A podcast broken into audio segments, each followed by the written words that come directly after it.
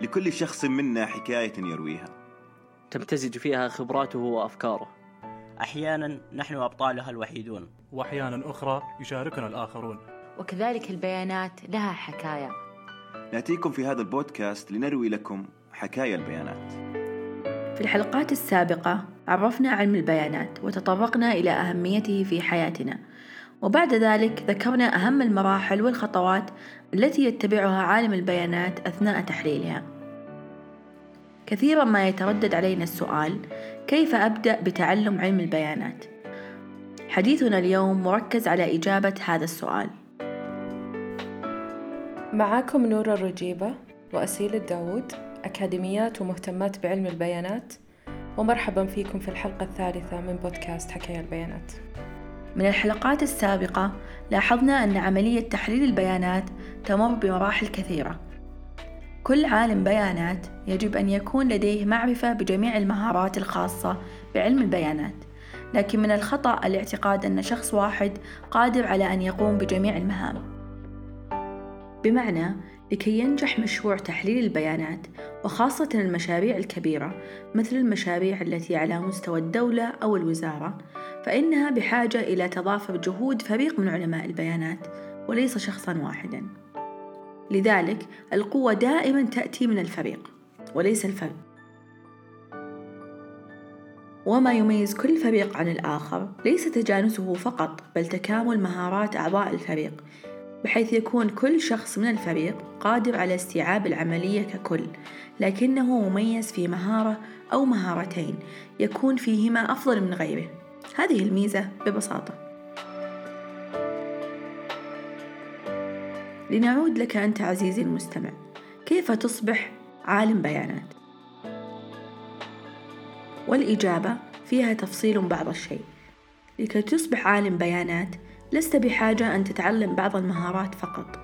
لكن أيضا أنت بحاجة لاتباع منهج مناسب لك لدمج تلك المهارات معا في مصفوفة واحدة لتكون عالم بيانات ناجح.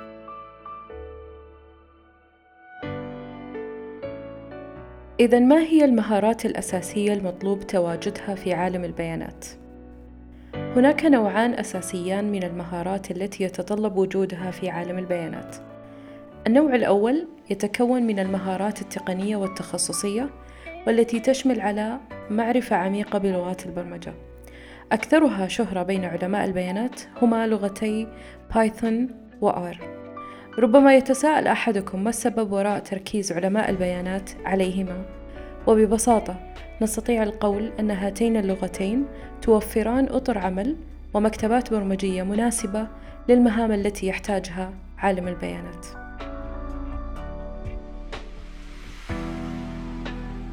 لكن ليس كافيا أن تكون مبرمجا فقط، بل يلزم أن يكون لديك المهارات الخاصة بالتحليل ومهارات بناء نماذج رياضية للتنبؤ أو التصنيف والتي تندرج تحت علم الآلة أو المشين ليرنينج.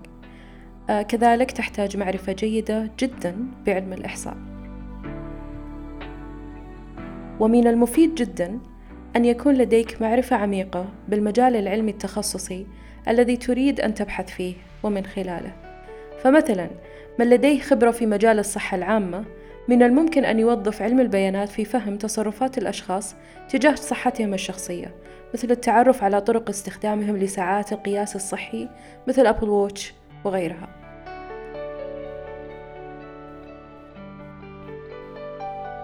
من له خبرة في المبيعات مثلا أو من سبق وأدار سوبر ماركت سيكون من أفضل الأشخاص الذين يستطيعون فهم نتائج التحليل والتوقعات المستقبلية من غيرهم. أيضا من أحد أهم المهارات التقنية هي تصوير البيانات. ينتج عالم الأعمال كمية هائلة من البيانات بشكل مستمر، وينبغي ترجمة هذه البيانات إلى تنسيقات تسهل فهمها. يفهم الأشخاص الصور والمخططات والرسوم البيانية أكثر بكثير من البيانات الأولية. نسمع دائما أن الصورة تساوي ألف كلمة. بصفتك عالم بيانات، يجب أن تكون قادرا على تصوير البيانات بمساعدة أدوات تصوير البيانات مثل ggplot، D3JS, Matplotlib وتابلو وغيرها. النوع الثاني ويشمل المهارات الناعمة والشخصية ومن أهم تلك المهارات الناعمة هي مهارة الفضول. يمكن تعريف الفضول على أنه الرغبة في اكتساب المزيد من المعرفة. بصفتك عالم بيانات يجب أن تكون قادرا على طرح الأسئلة حول البيانات التي تعمل بها. وذلك لأن علماء البيانات يقضون حوالي 80% من وقتهم في اكتشاف البيانات وإعدادها. على سبيل المثال في البداية قد لا ترى الكثير من التبصر في البيانات التي جمعتها. يمكنك الفضول من فحص البيانات للعثور على الإجابات والمزيد من الأفكار. فاستثارتك للأسئلة حول ماذا يمكن أن يحدث لو أردت مثلا أن تعرف العلاقة بين سرعة السيارات التي قام نظام سائر باصطيادها وبين جنس السائق. ربما تجد إجابات مبهرة تدفعك لطرح أسئلة أخرى مثيرة للاهتمام.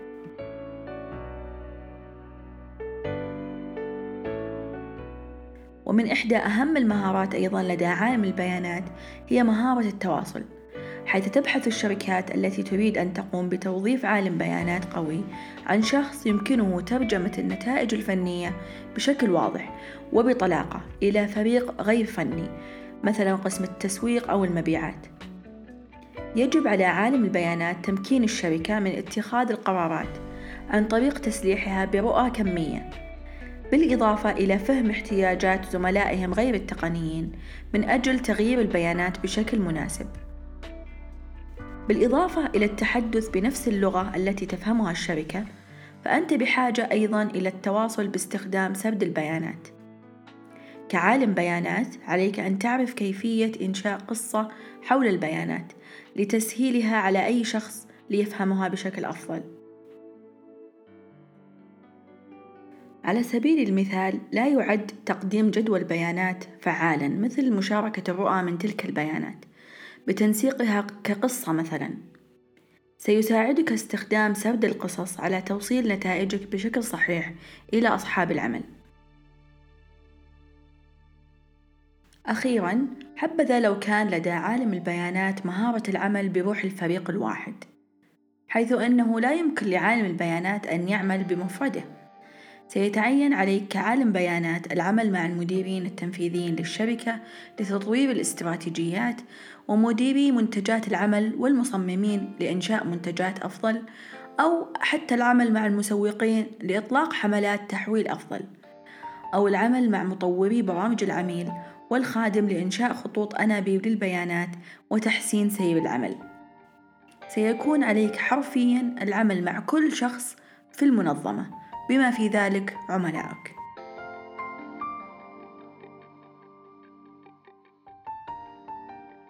DJ Patil والذي كان يعمل في لينكدين آنذاك هو أول من استخدم مصطلح عالم البيانات Data Scientist للدلالة على من يقوم بهذا النوع من الأعمال مع زميله جيف هامرباخر باتل كتب مقالة بعنوان بناء فرق علم البيانات Building Data Science Teams. وذكر فيها أنه قبل أن نسأل من هو عالم البيانات ينبغي أن نحدد ما الذي يجعل عالم البيانات هذا جيد. باتل ذكر أربع نقاط مهمة بعضها سبق ذكرها. أولها الخبرة العملية ثانيها الفضول ثالثها مهارة السرد القصصي أما الرابعة فهي الذكاء cleverness. تطوير الخبرة العملية ومهارة السرد القصصي واضحة نوعا ما بالمقارنة مع تطوير الفضول والذكاء. لكن إذا أردت أن تطور ملكة الفضول العلمي والذكاء فليس هناك سوى القراءة وسعة الاطلاع كي تتمكن من تطوير هذه الملكات. نأتي الآن إلى سؤال آخر. ما هي مصادر التعلم الذاتي؟ هي كثيرة جدا ومتنوعة. بين المجاني والمدفوع والخيار لك كيف تود أن تؤسس نفسك. الأكثر سهولة والأوضح أن تلتحق بأحد الكورسات الشاملة في المنصات الشهيرة مثل كورسيرا، يوداسيتي وغيرهم. الدروس على هذه المنصات تتنوع ما بين المختصة بعلم البيانات أو التي تدربك على بعض المهارات التي تحتاجها مثل مهارات الإحصاء والتحليل، لغات البرمجة، تصوير البيانات وغيرها. بعض البرامج المدفوعة تؤهلك للحصول على درجة علمية من أحد الجامعات المرموقة حول العالم. أحد الطرق الأخرى هي أن تتبع منهج معين تؤسسه بنفسك من شتى المصادر أو تستعين بمنهج من إعداد الآخرين ممن قاموا بنشرها على الإنترنت للجميع. تبقى لنا مصدرين رائعين للتعلم وهما Data Science Central KD Nuggets. تعتبر هذان المصدران جيدان للبقاء على اطلاع حول الاتجاهات الجديدة في علم البيانات. هنالك أيضا مدونة تورداtascience.com على منصة ميديوم والتي تزخر بالمقالات العملية المثرية.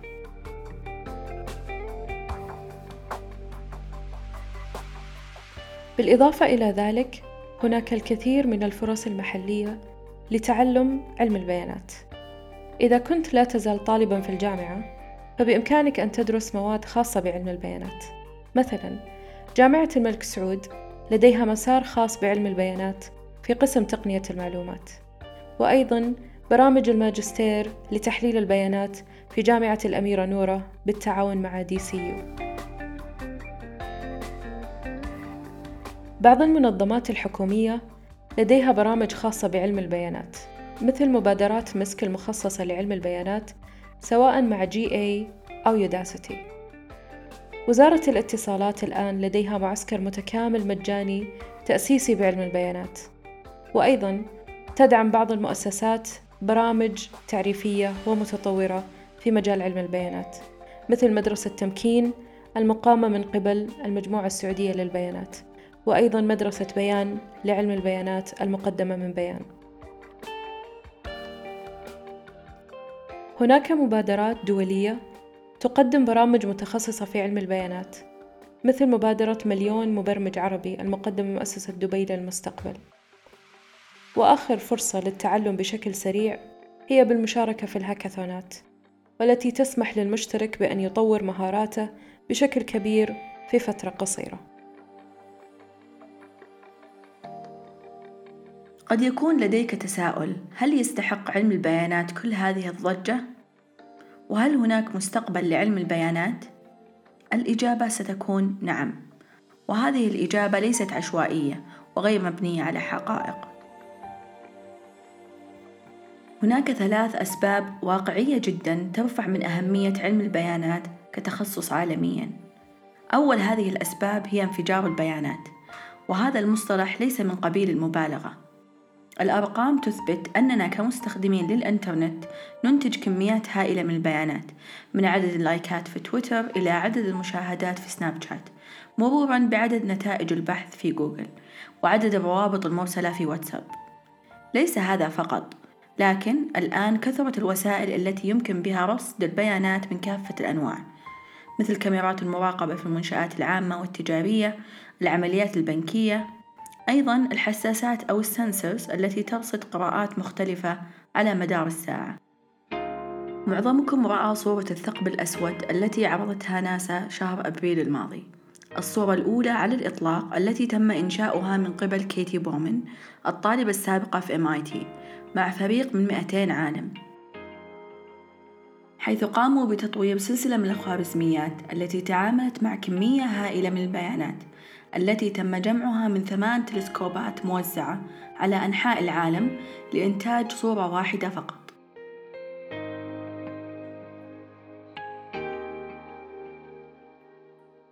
أما السبب الثاني فهو تطور خوارزميات تعلم الآلة وخاصة في مجال التعلم العميق بسرعة كبيرة في السنوات القليلة الماضية. هذا التطور سوف يساهم في تحسين جودة الخوارزميات مما سيجعل عملية المعالجة والتحليل واستخراج النتائج أسرع. أما السبب الثالث فهو توفر الحلول السحابية بأسعار منافسة تتيح لأي شخص الاشتراك فيها. من أهم الشركات التي قامت بتوفير حلول الحوسبة السحابية شركتا أمازون وجوجل. نتمنى أن نكون قد استطعنا الإجابة باستفاضة عن السؤال كيف أصبح عالم بيانات. شكرا لاستماعكم ونلقاكم على خير قريبا. هذا البودكاست يأتيكم من بيان. بيان هي منصة مهتمة بتطوير وإثراء مجال علم البيانات بتفرعاته.